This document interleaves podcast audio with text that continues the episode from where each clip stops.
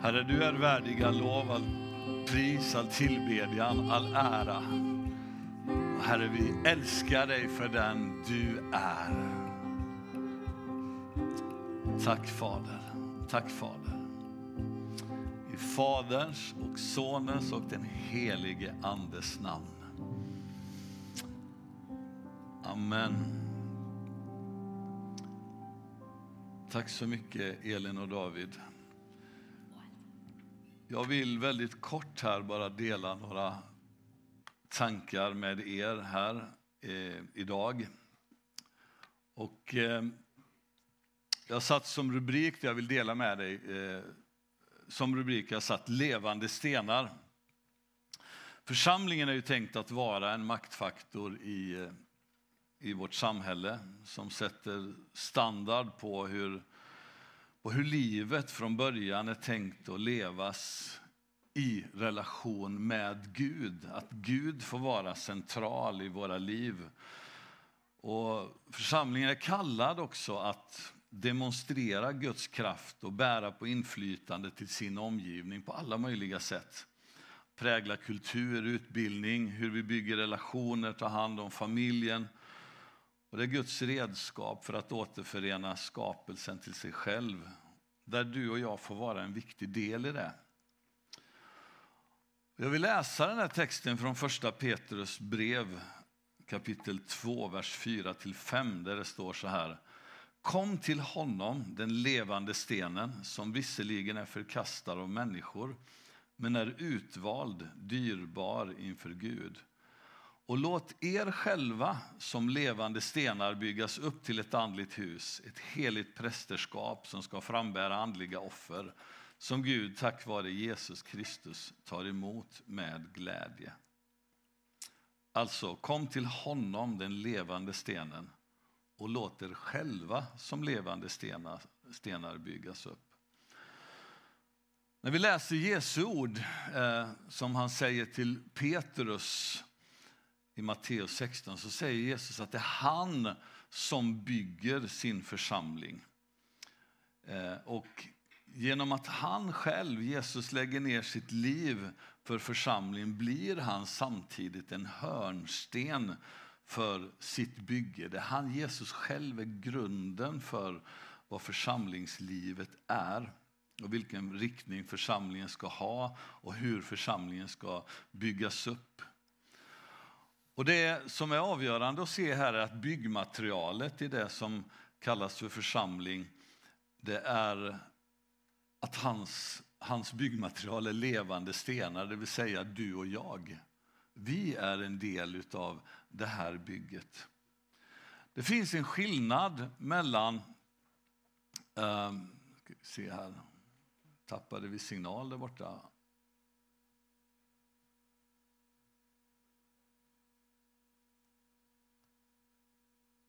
Där är vi nu. Det finns en skillnad mellan eh, eh, församlingen och Babels torn. Två olika byggen. Eh, när vi läser ifrån Första Mosebok så kan vi läsa följande kapitel 11. Hela jorden hade ett enda språk och samma ord. Men när människorna bröt upp och drog österut fanns det en lågslätt i Sinais land och bosatte sig där. Och de sa till varandra, kom så slår vi tegel och bränner det. Teglet använder de som sten och som murbruk använder de jordbäck. Och teglet an och, förlåt, och de sa, kom så bygger vi en stad och ett torn som har spetsen uppe i himlen. Och låt oss göra ett namn så att vi inte sprids ut över hela jorden. Alltså vi möter högmod i det bygget i Babel. Och Gud sa, eller då steg Herren ner för att se på staden och tornet som människorna byggde. Och Herren sa, se, de är ett enda folk och de har ett enda språk. Och detta är deras första tilltag. Och härefter ska ingenting vara omöjligt för dem vad de än beslutar sig för. Låt oss stiga ner och förbittra, eller förbistra deras språk så att den ene inte förstår vad den andra säger. Och så spred Herren ut dem därifrån ut över hela jorden. Och de måste upphöra att bygga på staden och den fick namnet Babel eftersom Herren där förbistrade hela jordens språk och därifrån spred han ut dem över hela jorden.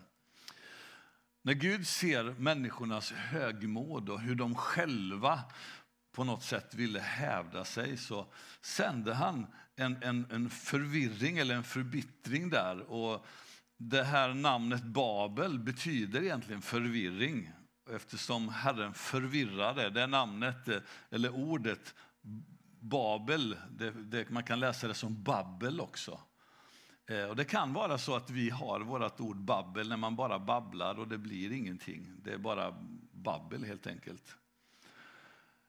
Men Kristi församling är initierat av Jesus själv, där han är grundstenen och där de levande stenarna har en tydlig funktion i Guds rikes bygge. De flesta av oss har nog aldrig mött på en levande sten. Alla stenar som jag själv har sett har varit döda. Man skulle kunna säga stendöda. Haha.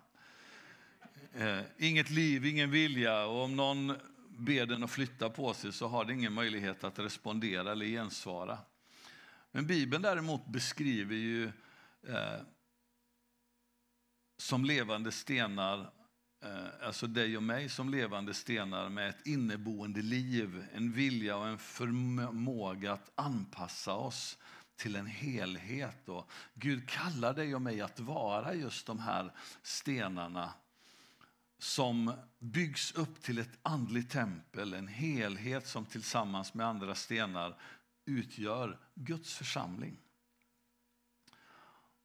Och varje sten, varje del har ju en, en, en plats i det här bygget. Och Paulus han beskriver det i sitt brev till Korinterna som lemmarna i en kropp där varje lem har en funktion och, och alla är viktiga i det. Och Gud vill sammanfoga varje lem så att det blir en hel kropp. Och där är det viktigt att vi ser detta. Eh, I Efesierbrevet så står det följande att vi ska istället, det finns en jämförelse här som man skulle kunna läsa tidigare då, men vi ska i kärlek hålla fast vid sanningen och i allt växa upp till honom, till Jesus som är huvudet, nämligen Kristus. Och från honom får hela sin kropp tillväxt, eller kroppen tillväxt. Och så byggs kroppen upp i kärlek och den fogas samman och hålls ihop genom det stöd som varje led ger, allt efter, eftersom, eller efter den kraft som är utmätt åt varje särskild del. Alltså som levande stenar är det viktigt att du och jag både kan vara flyttbara och formbara och att Gud får leda dig och mig att finnas och vara precis i den platsen och den funktionen som han har för oss. Om alla hade samma funktion, alla hade samma plats, då skulle det bli väldigt märkligt. Men Gud har tänkt olika saker för oss och det är bra om vi kan fundera och tänka ut, Herre, vad är det du vill för mitt liv? Vad är det du vill? Hur ska jag kunna finnas i ett sammanhang och hur kan jag vara en del och en led i det som, ett led i det som händer?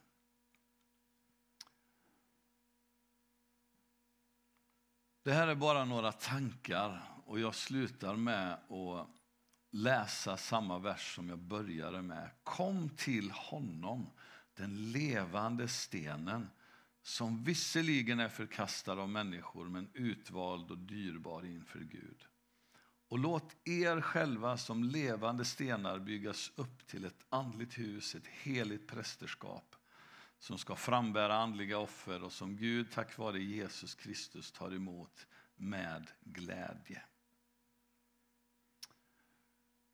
Och det här är en bön som vi har i våra hjärtan. Vi hade en, en träff för, här i början på året där vi fick samtala lite grann och visionera. Och senast i fredag så pratade jag med 316. Hur kan ungdomarna vara, liksom påverka och finnas och vara med i församlingen också, i församlingslivet i stort? Hur kan vi vara en hel församling från den yngste till den äldste och tillsammans få bygga Guds rike?